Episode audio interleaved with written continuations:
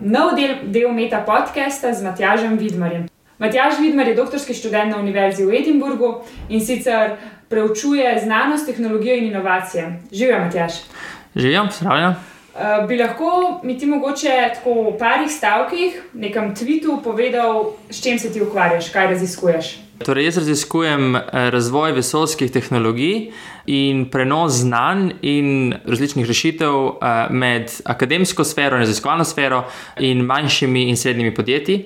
Konkretno na primeru škotske vesoljske tehnologije, eh, sicer pa trenutno pripravljamo podobno raziskavo tudi o razvoju tehnologij v Sloveniji. Peva par korakov nazaj. Jaz sem videla na tvoji spletni strani, da si ti doštudiral fiziko. Pa me zanima, kako je ta tvoja raziskovalna pot vodila od začetka, recimo prve stopnje, do kjer si sedaj. Res je, e, torej po izobrazbi sem fizik in včasih se hecam, da sem po srcu astronom, ker sem v bistvu tudi znotraj študija fizike, pretežno se specializiral v astronomijo in astronomsko tehnologijo. In prav astronomska tehnologija, ki je na Univerzi v Edinburgu, kjer sem delal že tudi do diplomski študij, eh, zelo razvita in oziroma sodelovanju z Kraljevim observatorijem v Edinburgu razvijajo različne komponente za te najnovejše teleskope, tako na Zemlji, kot tudi tiste v vesolju. Ta tehnološki razvoj me je zelo pritegnil, me je zelo zanimiv zanimal, ampak v trenutku, ko sem zaključil do diplomskih študij, nekako ni bilo nekih pravih projektov, katere se, v katere bi se lahko vključil eh, za razvoj tehnologije same. Eh, me pa že odprej zelo zanimalo povezovanje tehnologije z nekimi širšimi družbenimi pojavi. Eh, tudi študiral sem na začetku filozofijo in fiziko, dvopredmetno, kot da zanimalo me je nekako znanost, tudi njena vloga v družbi in tako malo širše. In relativno po naključju, moram priznati, sem nekako prišel, naletel na tole um, center oziroma uh, skupino v Edinburgu, ki prečuje uh, znanost, tehnologijo in inovacije. Tam naredil uh, magisterij najprej, zelo hitro se mi je pa nekako zdelo, da to je to, in sem potem nadaljeval na doktoratu. In kot sem jaz videl v tvojih prispevkih, v bistvu um, znanost je zelo širok pojem, ne? vključuje in družboslovje, in humanistiko, in pač naravoslovne vede, vede v življenju in še kaj drugega. In ti si znotraj te znanosti izbral področje astronomije. Astronomije eh, in raziskovanja vesolja, eh, oziroma same znanosti eh, v vesolju. Ne, astronomija nekako je pretežno vezana na opazovanje vesolja in znanstvene raziskave, ki, ki se, ki se um, vodijo preko opazovanja. Medtem ko imamo, seveda, v zadnjih 50 letih tudi več, več, vedno več samih vesoljskih znanosti, torej znan, znanstvenih in inženirskih projektov, ki posegajo v samo vesolje, torej ali uh, z, z različnimi sondami, na različnih, pač, vem, na Luni ali pa na, recimo, na Marsu, Venera eh, in drugih, eh, drugih planetih v našem Sončju, um, kot tudi recimo v orbiti, zemljini orbiti, tako projekti človeško posadko, mednarodna vesoljska postaja, kot tudi celo veliko število satelitov, ki se uporabljajo ali za opazovanje vesolja, ali pa tudi za opazovanje Zemlje. Ne? In tukaj, v bistvu, če rečemo nekako na, na splošno, ta, ta, ta raziskovalni preskok nekako vodi od opazovanja vesolja do potem te neke vrste uporabe vesolja, oziroma vstopa v vesolje in uporabe vesolja. E, in seveda največ teh aplikacij, ki se danes uporabljajo v mobilnih telefonih in, in širše v družbi. Torej, posledično največ teh nekih družbenih učinkov je prav v tem zadnjem segmentu, torej opazovanju Zemlje, oziroma pač uporabu, uporabi satelitov in drugih tehnoloških produktov, ki smo jih mi lasirali v vesolje za določene, za določene funkcije na Zemlji. Ok, zanimivo. Zdaj pa greva malo bolj na, na področje tvojega doktorata. Kaj je prav tako glavna naloga, glavno vprašanje, ki si, si ga zastavil, oziroma kaj, kaj si želel izvedeti. Torej, moj doktorat se specifično v bistvu raziskuje res eh, nekako ta nexus med, med samim znanstveno-raziskovalno sfero, med manjšimi podjetji in pa tudi eh, upošteva delovanje različnih inštitucij, organizacij, eh, naj si bodo vladne oziroma pač pod, podprte z nekem, nekem javno misijo, oziroma eh, tudi včasih zasebne, in eh, kako se znotraj teh treh različnih akterjev oblikujejo inovacijski sistemi. Torej, teorija gre nekako tako, za družbeni, ekonomski razvoj eh, se opiramo na to, da obstajajo inovacijski sistemi, eh, ki se lahko delijo glede na geografijo. Govorimo recimo o inovacijskem sistemu posamezne države ali pa posamezne regije. Posameznega mesta lahko, po drugi strani se pa delijo tudi na sektorje. Recimo imamo avtomobilsko industrijo, letalsko industrijo, tudi vesoljsko industrijo. In v bistvu zanimivo je to, da v nekih novih državah eh, dan danes, recimo na, v nekem primeru recimo Škotske, eh, država, regija, no to se zdaj lahko malo pogovarjamo, eh, kaj točno je, ampak recimo Škotska zdaj oblikuje nek tak sektorski sistem na področju vesoljske industrije.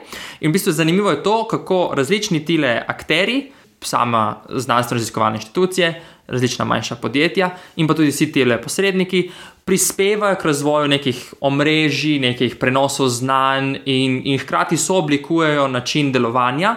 Eh, ki privede do nekih aplikacij in produktov. Torej, v bistvu gre, gre za razumevanje, kako dejansko znanost in družba nekako uh, skupaj sooblikujejo uh, nek nov tehnološki razvoj. Seveda govorimo predvsem tukaj, ko govorimo o škotski vesoljski industriji, pa morda tudi slovenski vesoljski industriji, ker se bomo verjetno tudi tega dotaknili. Govorimo predvsem o, o, o novih oblikah, eh, torej tehnoloških produktov za uporabo v vesolju. Eh, predvsem gre tukaj za veliko manjše projekte, cenejše in z veliko bolj specifično funkcijo. Torej, v, v, mogoče ne pač poznamo uporabo satelitskih podatkov za napovedovanje napovedovanje vremena. Recimo, Na televiziji lahko vsak večer vidimo sliko, kako se oblaki premikajo prek Slovenije, pa prek Škotske, pa kjerkoli.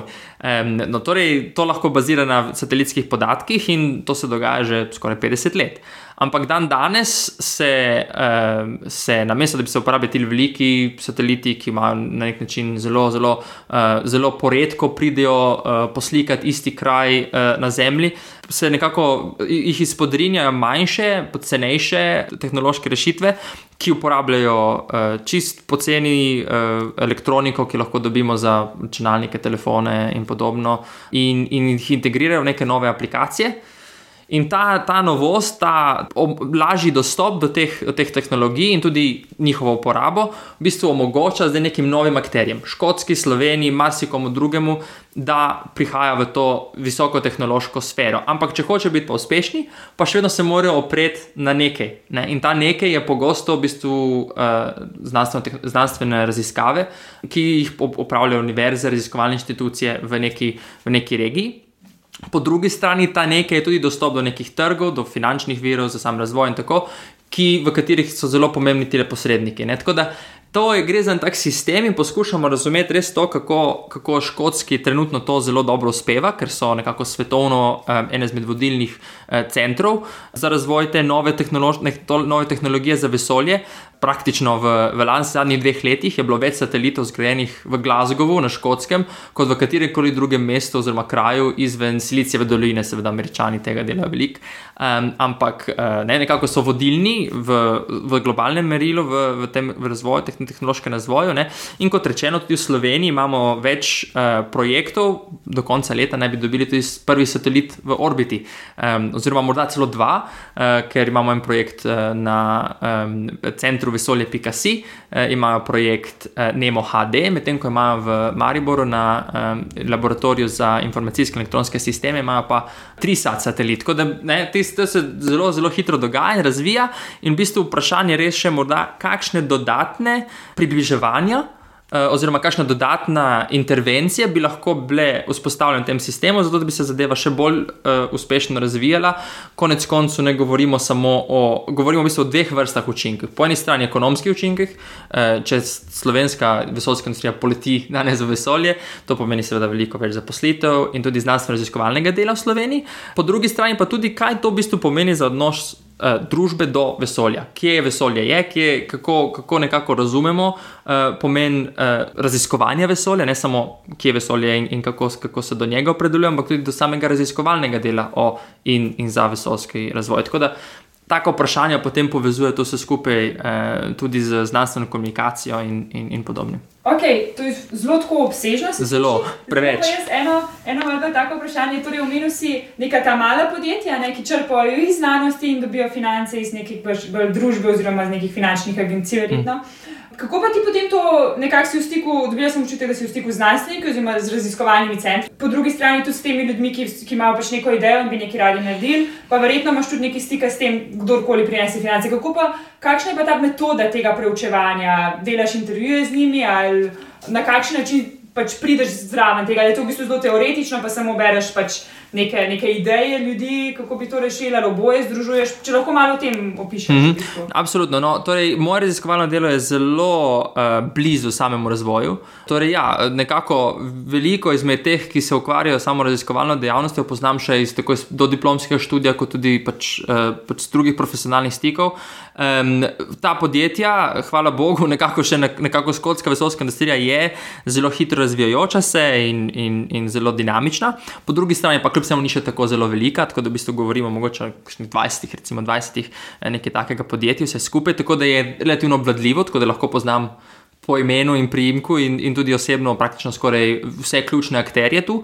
Um, in podobno tudi s različnimi temi razvojnimi um, agencijami, oziroma s temi pospeševalniki oziroma uh, posredniki. Um, tako da, ja, sama znanstvena metoda je pa v bistvu kombinacija analiz uh, podatkov, uh, javnih poročil, statistik, objavljenih pač javno objavljenih podatkov z um, etnografskim delom, v bistvu, ko govorimo o etnografiji, tukaj v bistvu gre za intervjuje, z, predvsem v podjetjih. Intervjuje so predvsem skoncentrirani na uh, sama podjetja. Uh, potem pa ta etnografija tudi nekaj, nekaj tako bolj ne tako zelo de, jasno definirana, bolj neformalna, uh, ki se pa povezuje recimo z uh, nastopi in sodelovanjem na različnih konferencah, pač tudi uh, sodelovanje pri različnih projektih znotraj industrije, ki poskuša nekako evalvirati različne razvojne uh, postopke in trende.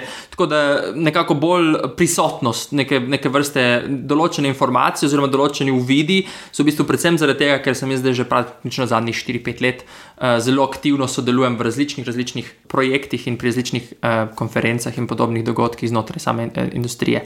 Uporabljamo pa tudi neke vrste, relativno smo, smo popolnili, specifično tudi to uh, metodološko uh, raziskavo znotraj podjetij. Uh, večina poslov, študij, ki se ukvarjajo s poslovnim organizacijo in, in, in obnašanjem, um, so pogosto opravljene kot neke vrste vprašalnik, kot neke vrste anket, anketno, um, kar nekako omejuje mogoče um, same odgovore in samo uh, širino zajema podatkov. Uh, tako da v bistvu imamo nekako dvosmerno, imamo nekako dvosmerni pristop. Po eni strani uh, zajemamo podatke, ki se uporabljajo potem v analizi omrežij.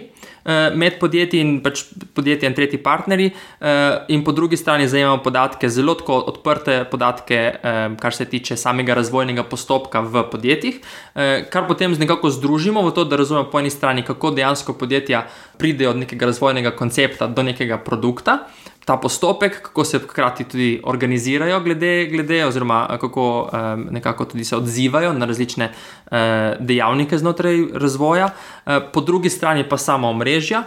Kar lahko v bistvu nekako razumemo tudi nekako uh, gostoto partnerjev in, in, in tudi um, um, lokalno, globalno uh, koncentracijo različnih partnerjev, pa potem se vse sort razmejitve, recimo koliko partnerjev je znotraj privatne, zasebnega sektorja, koliko jih je v javnem sektorju in podobne zadeve. Tako da kar uh, konkretno okarakteriziramo posamezna podjetja, potem pa razvijamo tudi neke vrste tipologije. Par, če govorimo o, o recimo 20 podjetjih, smo potem to razbili nekako na devet tipičnih primerov, ki jih potem analiziramo tudi malo, mogoče malo mal globije. Pa so ta podjetja tako zelo odprta za to, ali skrivajo v bistvu neke svoje poslovne skrivnosti, ali zakaj so, recimo, lahko da imaš neko podjetje, ki ima neko blazno dobro organizacijo in mogoče ne bi želel deliti glede z vsemi. Absolutno. Ja. To, je, to je zelo zanimivo. Ja, v bistvu uh, ta podjetja so zelo, zelo odprta, uh, predvsem zaradi tega, ker uh, v, v vesoljski industriji, predvsem v tej novi industriji in predvsem v teh manjših podjetjih. Uh, je ta ključna, uh, ključni faktor za njihov uspeh, v bistvu so prvi na trgu. Um, in uh, podjetji, s katerimi se pogovarjamo, in tudi način, kako vprašamo vprašanje, so v bistvu vedno navezuje na produkte, ki jih že imajo na trgu, kar pomeni, da v bistvu tam niso tako zelo skrivnostni, ker nekako vedo, da uh, tudi če jih kdo poskuša replicirati, bo to drugi, drugo pristopnik, ne bo to, ne bo to nekako v, v prvi na trgu. Um, zanimivo je, da v bistvu ta, na, na nek način se ta industrija obnaša zelo drugačno kot ključne industrije, ki, je, ki so jih uh, kolegi raziskovalci na tem področju uh, gledali prej. To je predvsem uh, biotehnološka industrija in pa po, in po drugi strani informatika. Um, ker v obeh teh uh, drugih panogah v bistvu nekako uh, je patentiranje in uh, neke vrste. Um, zaščita uh, intelektualne lastnine, uh, neka ključna, ključen, uh, uh, ključen dejavnik pri uh, generiranju nekih prihodkov in hkrati pač nekako to, to nekako uh, omogoča samo uh, delovanje teh podjetij. Medtem ko v vesoljski industriji pretežno ugotavljamo, da to ne igra velike vloge, da igra predvsem veliko vlogo, da si v bistvu nekako prvi na trgu in da na drugi strani, da imaš, da, da vzbujaš zaupanje pri teh partnerjih in potencialnih naročnikih, kar se kaže predvsem s tem, da si zelo transparenten glede svojih produktov in glede svojih eh, postopkov. Seveda ne bodo mi izdali zdaj, kako oni pišejo določene eh, eh, pač postopke ali pa protokole znotraj njihovih re, tehnoloških rešitev. To nas ni konec koncev ne zanima. Ampak sam pristop ni velika skrivnost, ker v bistvu so za njega ponosni in ker to je deloma prav tisti element, ki vzbuja zaupanje pri potencialnih kupcih v njihovo tehnologijo. V svojih prispevkih pa tudi govoriš o inovaciji znotraj teh podjetij, če sem prav uh mhm. -huh. razumel, oziroma tudi znotraj samega tega področja. Lahko kaj več poveš o teh inovacijah, kdaj pride do njih? Torej, zanimivo, ko tukaj govorimo skoraj o, neka, o, nekako, o, o, o dveh tipih inovacij. Ne? Po eni strani se mi, vsem, kar se mi ukvarjamo, ko govorimo recimo, o razvoju nekega produkta, je nek način inovacija. Ne? V bistvu podjetje, ki je podjetje kot inovator, je en del same raziskave, ampak v bistvu na nek način se s tem ne ukvarjamo toliko, bolj se mogoče ukvarjamo, kako so inovativni pri svojem inovacijskem procesu. Ne? Tako da v bistvu to je pa neka, nek drugi, drugi, druga plast, ki je nekako neka metaplast, ki je nad, nad, nad, nad samo nad samim eh, razvojem. Um, tukaj pa ja, v bistvu ugotavljamo dve, tri različne ključni, ključni parametri, so predvsem to. Ugotavljamo, da se ta podjetja eh, nekako opuščajo tradicionalno hierarhijo znotraj samih podjetij, kar se tiče organizacijskih ved. Ne, pač nekako vsi si predstavljamo podjetje kot nekega direktorja, pa mogoče nek oži tim, ne, potem pa vse ostale zaposlene, oziroma pač v nekih, nekih piramidah govorimo po navadi. Medtem ko recimo v veliko teh eh, najbolj naprednih podjetjih opažamo, da se to čisto podira. Da sicer so seveda ljudje, ki so pač nekako vodilni in, in drugi, ki so v, bistvu v, v podjetjih bolj zaposleni, ampak se prav pri razvoju novih produktov te, eh, te nekako ločnice poskušajo počasi zabrišejo eh, in opazimo, da je v bistvu veliko nekih projektnih vodij, ki niso nujno iz čist eh, naj, najvišjega, pač niso, niso, niso iz, iz samega direktorja podjetja, ampak so to nekako pač samo določeni izmed zaposlenih, ki koordinirajo interdisciplinarne in zelo tako odprte uh, time, uh, ki potem se ukvarjajo s posameznim produktom ali pa s nekim, nekim razvojem. Tako to je že neka, taka, neka vrsta način, uh, drug, drugi način uh, dela. Po drugi strani, prav zaradi tega odpiranja samih teh uh, inovacijskih timov, uh, to hkrati pomeni, da je treba sam postopek inoviranja bolj standardizirati da so v bistvu neke, neke formalne faze, oziroma nek formalni način razmišljanja o tem, kako pridemo do določenega produkta, medtem ko v nekako bolj hierarhično organizirani, kot če govorim, lahko klasični, tudi vesoljski industriji, oziroma pač tele nekako bolj teh klasičnih primerih. Um, ne, anekdote so vedno, da se kakšne, da se kakšne nove ideje naredijo na, na, na, na, na servetki, ne, na, na, na pač ob večerji se nekdo nekaj spomni, pa pol nekaj si na, zacahna. Ne ta način eh, pristopanja do nekih novih idej eh, nekako ne, ne najde, ni, ni, ni dobro sprejet, mogoče v teh nov, novejših in bolj eh, inovativnih podjetjih, prav zaradi tega, ker so te nove ideje skup znanja in dela ljudi iz različnih strok, ki se nekako dobijo v teh nekih bolj, bolj timskem delu, ne pa, ne pa toliko nekdo na vrhu, nekako nek, nek direktor tehnični vodi. Tako je osamljen genij, ki se nekaj zmisli, potem pa vsi ostali morajo samo uh, zadevo pripeljati do končne, uh, do končne izvedbe. V bistvu gre za, gre za to, da se v bistvu te dobre ideje krešijo v, v nekem sodelovanju, uh, interdisciplinarnem, predvsem interdisciplinarnem sodelovanju. Ja. Zdaj imam pa še eno vprašanje. Torej, ti si že omenil tebe, v bistvu, če sem prav razumela to vašo skupino, oziroma tebe pri tem doktoratu, te je zanimalo res, kako, kako te skupine delajo in kakšen je ta njihov proces dela na nek način. Ja. Ker je v bistvu zelo tako na neki bazi, ne? ampak lahko potem iz tega tudi kakšne tako aplikativne nasvete oziroma načrte. Vam potegneš in recimo bi lahko to aplicirali tudi na neke druge, mogoče v prihodnosti, konec koncev tudi na biotehnologijo ali pa na v neke druge sektore. Absolutno. V bistvu, eh, predvsem govorimo tukaj, da gre za nek pristop, ki ga lahko malo širše okarakteriziramo kot živi laboratorij. Ti živi laboratoriji so že bili, no, ne, ne toliko mogoče raziskani, ampak oblikovani v različnih sektorjih širom Evrope. Na, v bistvu, na nek način, na neki točki, ko smo imeli to, bila ta politika, evropska politika, pametne specializacije, ki so v bistvu neka vsaka regija naj bi si poiskala nekih par izhodiščnih točk, eh, kjer se jim zdi, da so inovacijsko zelo močni in da bi potem oblikovali, eh, da bi se fokusirali investirali v investicijah, znanstveno-raziskovalnih in tudi poslovnih investicijah v nekaj teh par teh področji.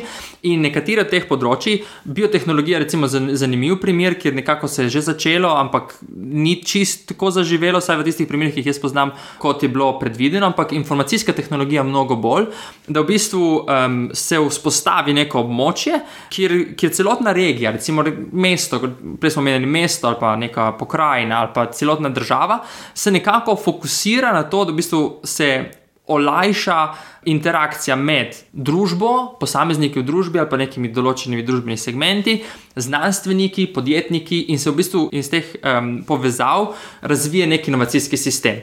In ta živi laboratorij v bistvu je zelo zanimiv koncept, v bistvu govori o tem, da, nekako, da, se, da se v bistvu nova tehnologija, pa tudi neka nova znanost, ne, da je v bistvu ta laboratorij, ki je potreben za njen razvoj, ni več v štirih stenah neke znanstveno-raziskovalne institucije, ampak je nek organizem izven nje, kateri del je znanstveno-raziskovalna sfera, ampak po, po drugi strani potrebuješ pa tudi nekako, recimo, ne vem, ljudi, ki bodo prispevali to v neke vrste ne, citizen science, oziroma neke vrste v, v sodelovanje v, v znanosti preko, uh, preko različnih platform ali pa nek, se vklapljali v ta znanstveno-raziskovalni proces.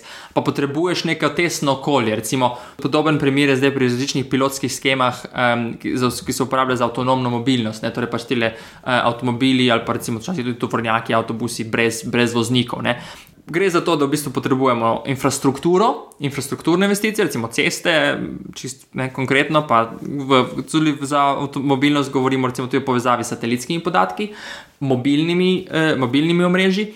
Hkrati veliko uporabnikov in ti uporabniki morajo seveda ne samo opazovati, oziroma biti neke vrste pasiven udeleženec, ampak morajo tudi nekako reagirati na samo uvedbo nekih tehnologij in, in nekako to, to, to svojo reakcijo posredovati nazaj v ta laboratorij, oziroma ta, v ta sistem.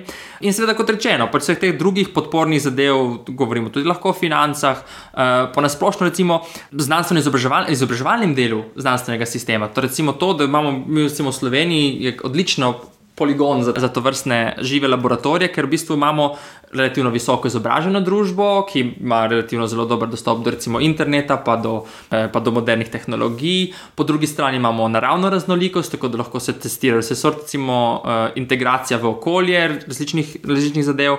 Um, in, in hkrati imamo tudi um, dobro razvito, relativno dobro razvito infrastrukturo, ki, ki nekako omogoča. Uh, tako da v bistvu ta neka nov način inoviranja je definitivno zelo, zelo široko se uporablja. Um, in vesolje je mogoče tukaj samo en zelo zanimiv primer, ker na nek način vedno si mislim, da je to res visoka tehnologija, to je res nekje v oblakih, oziroma še nad oblaki. Um, ampak, um, ampak po drugi strani ni. Ta razvoj je zelo, zelo tuzemski in v bistvu, če razumemo nekaj, kar je na tako zelo visoko tehnološkem nivoju, oziroma pač nekako ljudem tako zelo tuje, morda eh, napram vsakodnevnem življenju. Potem vse ostalo bo v bistvu mogoče veliko lažje priti do tega načina razmišljanja. Ampak ja, definitivno poskušamo oblikovati različne modele, eh, kako bi se sama podjetje lahko na to odzivala.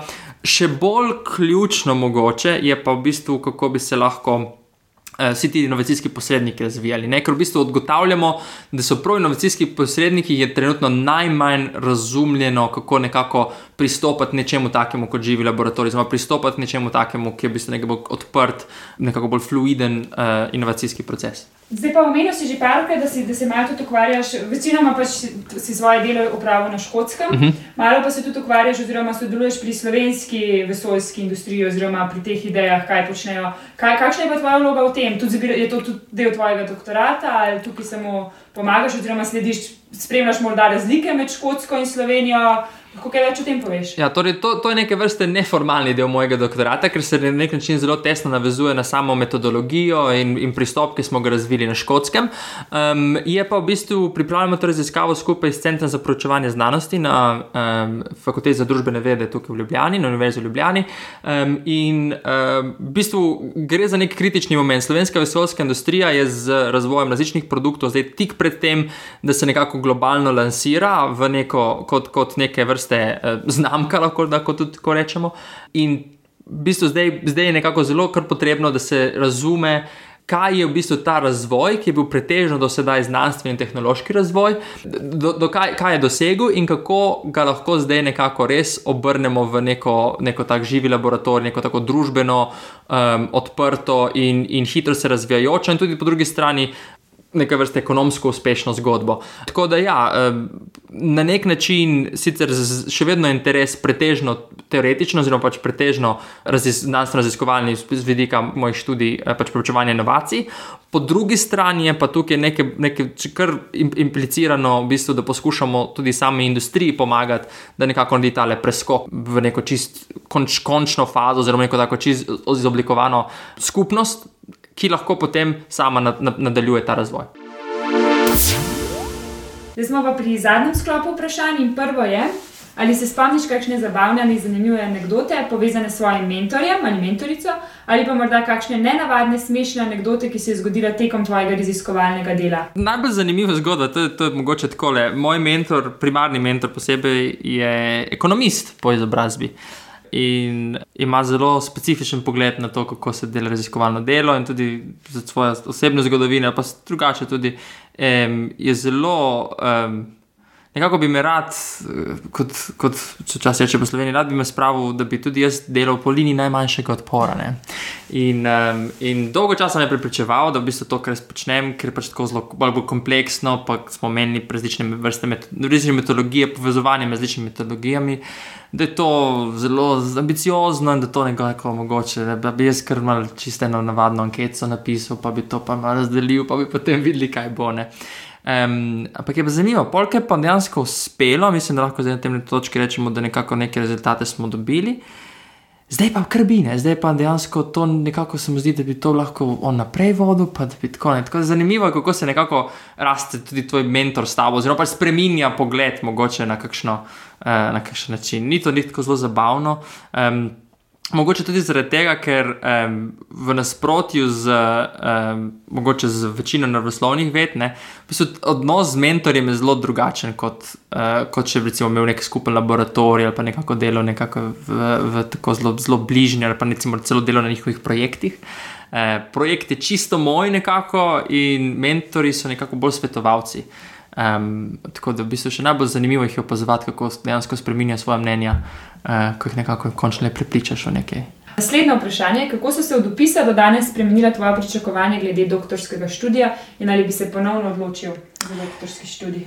Torej, za doktorski študij bi se definitivno ponovno odločil. Jaz mislim, da na splošno je to zelo prijeten proces in, in tudi uh, nekako nekako zanimanje samo me je, me je še vedno žene in nekako bi poskušal, oziroma bom poskušal uh, z različnimi uh, uh, izmed teh raziskav, ki sem jih nekako razvijal za doktorat, nadaljevati v različnih obsegih tudi po koncu doktorske študije. To je to definitivno. Pa, je pa, je pa de, doktorski študij je neke vrste učna krivulja ne? in nekako na začetku res nimaš pojma točno, kaj to pomeni. Danes, kar se tiče pričakovanj, prva stvar, ki bi jo pričakoval, ki bi, ki bi jo nekako spremenil, je, um, da bi nekako razmišljal manj o tem, kaj in dokdaj bom kaj naredil. Ne? Ker to je čisto šlo praktično skozi, skozi okno in bolj nekako užival v samem procesu um, in v samem delu. Je pa mogoče tisti najtežji del, ravno kar še pred, že, še pred mano, oziroma se ga nekako že lotevam, uh, to je pa samo pisanje te doktorske naloge, kar bo pa tudi morda v nasprotju s tem, kar, s čemer sem mogoče začel, nekoliko drugačen proces, ker razmišljamo celo, da bi nekako doktorsko nalogo zložili iz, iz petih, šestih člankov. Um, tako da v bistvu nekako iz publikacij zložiti potem doktorsko nalogo, kar bo, kar bo verjetno drugače, kot, kot sem si zamislil na začetku.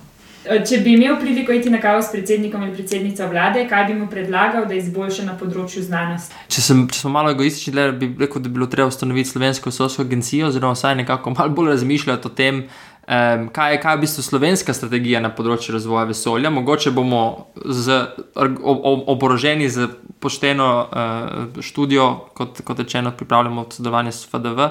Um, v jeseni celo ne bomo nujno šli na, na kavo s predsednikom vlade, ampak bomo poskušali to tudi nekako spraviti tudi do tistih, uh, ki odločajo v naši državi. Um, v bistvu, malo še govorimo pa na splošno o znanosti in raziskovanju. Ne, um, gledati na znanost in raziskovanje, raziskovalno delo manj kot na neko investicijo, ki naj ima takojšen učinek, in bolj daljnosežno razumeti, da v bistvu brez znanosti in raziskovalnega dela, še posebej tudi tistega, ki mogoče nima nekih direktnih učinkov, ki jih lahko zelo, v zelo kratkem času vidimo. Uh, bi v bistvu družba ne mogla nekako tako napredovati. Oziroma, ne, ne samo ne mogla napredovati, tukaj ne gre mogoče za napredek, ampak ne mogla uh, se intelektualno razvijati kot se. In tukaj mislim, da še vedno, posebej v današnjih časih, je v bistvu preveč poudarka, uh, da, da se nekako išče neke direktne poti ne, kako znanost bo koristna za nekaj ali pa za nekaj drugega. Ampak v bistvu znanost je koristna, ker v bistvu znanost trenutno razvija družbo in, in tega načina razmišljanja bi bilo fajn, če bi se naučili tudi naši politiki. Kaj boš počel čez pet let in kje se vidiš čez 40 let? Huh, no, čez pet let bom upam, da zaključoval kakšen uspešen projekt, mogoče nadaljevanje razumevanja tako vesoljske inovacije kot takih, kot tudi eh, trenutno smo na taki točki v razvoju eh, dostopa do vesolja, eh, da se bomo mogoče čez pet let pogovarjali o tem, da bodo v kratkem eh, prvi ljudje stopili na površino Marsa. Um, morda se bomo pogovarjali o tem, da imamo na Luni kakšno manjšo postojanko in način razmišljanja o, o vesolju, ki je, je in tudi našem prostoru v njem in naši vlogi v njem, se bo drastično spremenil. Ne? Tako da upam, da bom lahko deloma tudi z raziskovalnim delom, ki ga zdaj ali pa v prihodnih petih letih bom pripravljal, eh, nekako bomo poskušali sooblikovati ta, eh, ta eh, pogovor o tem, v bistvu, kakšno je človekovo mesto v vesolju. Eh, in tudi, da ne govorimo samo o tem kot nekem takem utopističnem, pozitivističnem načinu, kako bo krasno, ampak tudi, recimo, kakšni so ti riziki in na kaj moramo biti previdni. Ne? Tako da ne, da ne naredimo nekaj, kar bo uničevalo našega vesolja ali kar bo na nek način negativno vplivalo na karkoli že je zunaj. Kot tudi na drugi način, da ne bomo z nekim čist takim hipertehnološkim eh, pristopom do življenja na Zemlji, mogoče malo zanemarili tudi določene kvalitete, ki jih imamo tu na Zemlji. Tako da če se le da, bom upal, da čez pet let še vedno v podobnih vodah, ampak morda bomo razvili te, eh, te diskurs tudi v neko bolj gl globalnem smislu, recimo, tudi recimo, kot rečeno, pot, pot v, v vesolje. 40 let, uh, to pa zelo dolga doba. Jaz mislim, da čez 40 let bomo verjetno, upamo, da bomo veliko bolj smotrni in, in pametni, kar se tiče um, uporabe in razvoja vesoljske tehnologije. Upam, da bo čim več tega zgrajenega prav na teh manjših podjetjih in zanimivih posameznikih, uh, in čim manj na, na korporacijah. Recimo, čez 40 let bi si želel, da bi bil enih ključnih premikov, morda tudi z nekaj mojega, mojega prispevka, to, da bi bili. Vojaški preračuni za razvoj vesoljske tehnologije manjši, civilni pa večji ker proti civilni in tudi na dolgi rok, in tudi če ne točno vidimo, kakšen bo učinek jutri, eh, prispevajo res nekemu takemu bolj širšemu družbenemu razvoju. In, in če bi le lahko bil del te zgodbe, bi bil zelo vesel. Bi drugim doktorskim študentom, študentkam predlagal kakšno tehniko za upravljanje s časom ali pa morda računalniški program, ki ti olajša delo in ti prihrani čas. Kar se tiče različnih sistemov, mogoče tudi eh, informacijskih sistemov, ki pomagajo. Jaz sem se zelo, zelo nekako navezal na to, da v bistvu veliko, eh, veliko samega dela opravim tako nekako na poti med različnimi, med različnimi sestanki ali pa nekako v gibanju. Um, in zato recimo, vem, že to, da se mi dejansko povezuje, recimo OneNote je moj, moj Microsoftov program, ki nekako deluje tako na mobilnih, na mobilnih napravah kot na računalniku. Jaz dejansko veliko samega uh, pisanja uh, za, moje, za, moje, uh, za moj doktorat upravim takole, uh, preko, preko teh aplikacij. Tako, to, je, to je definitivno nekaj, kar sem se veliko poslužil. Sicer pa uh, samem uh, ukvarjam se pač kot rečeno z, z analizo mreži, tudi med drugim, uh, in tam imam trenutno moj naj, naj, najljubši program GEFI, ki je v bistvu program za vizualizacijo uh, podatkov, večjih, večjih pod, sklopov podatkov, posebej, če govorimo o analizi različnih povezav in mreži. Tako da recimo uh, to sta dva, dve take stvari, ki jih trenutno zelo veliko uporabljam.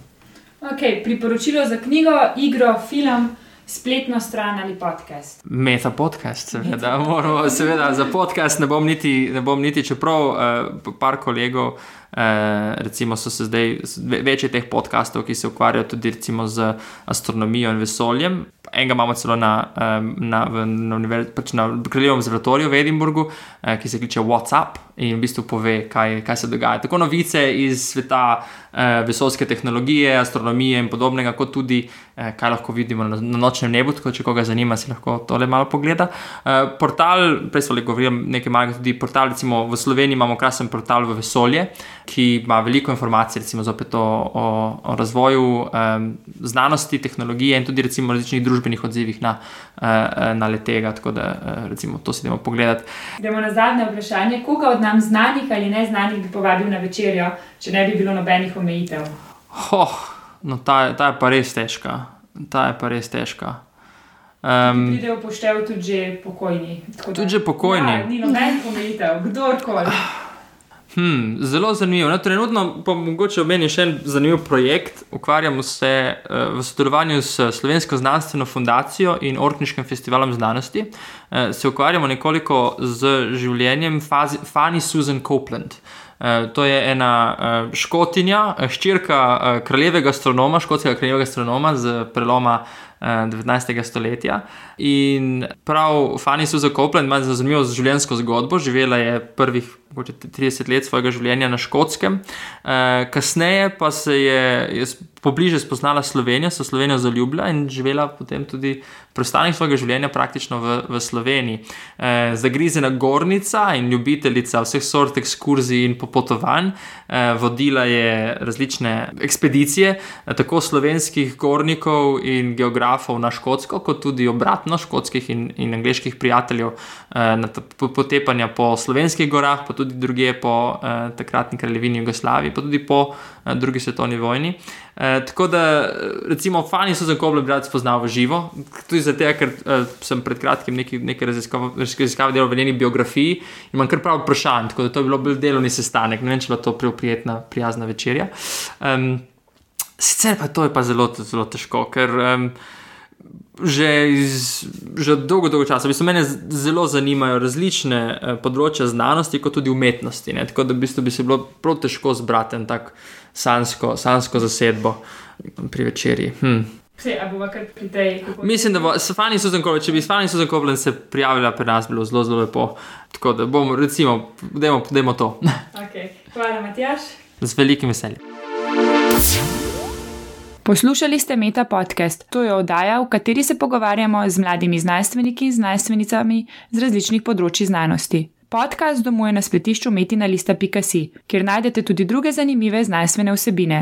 Naše delo lahko podprete z donacijo Metini listi. Zahvalo boste dobili izvod knjige Zanimiva, navdihujoča, uporabna. Pohvale, pripombe in predloge lahko posredujete po e-mailu znanostafnametina.si. Dobrodošli so tudi komentarji na Facebook profilu Metina Liste in na Twitterju afnametina.lista, kjer uporabite hashtag meta podcast.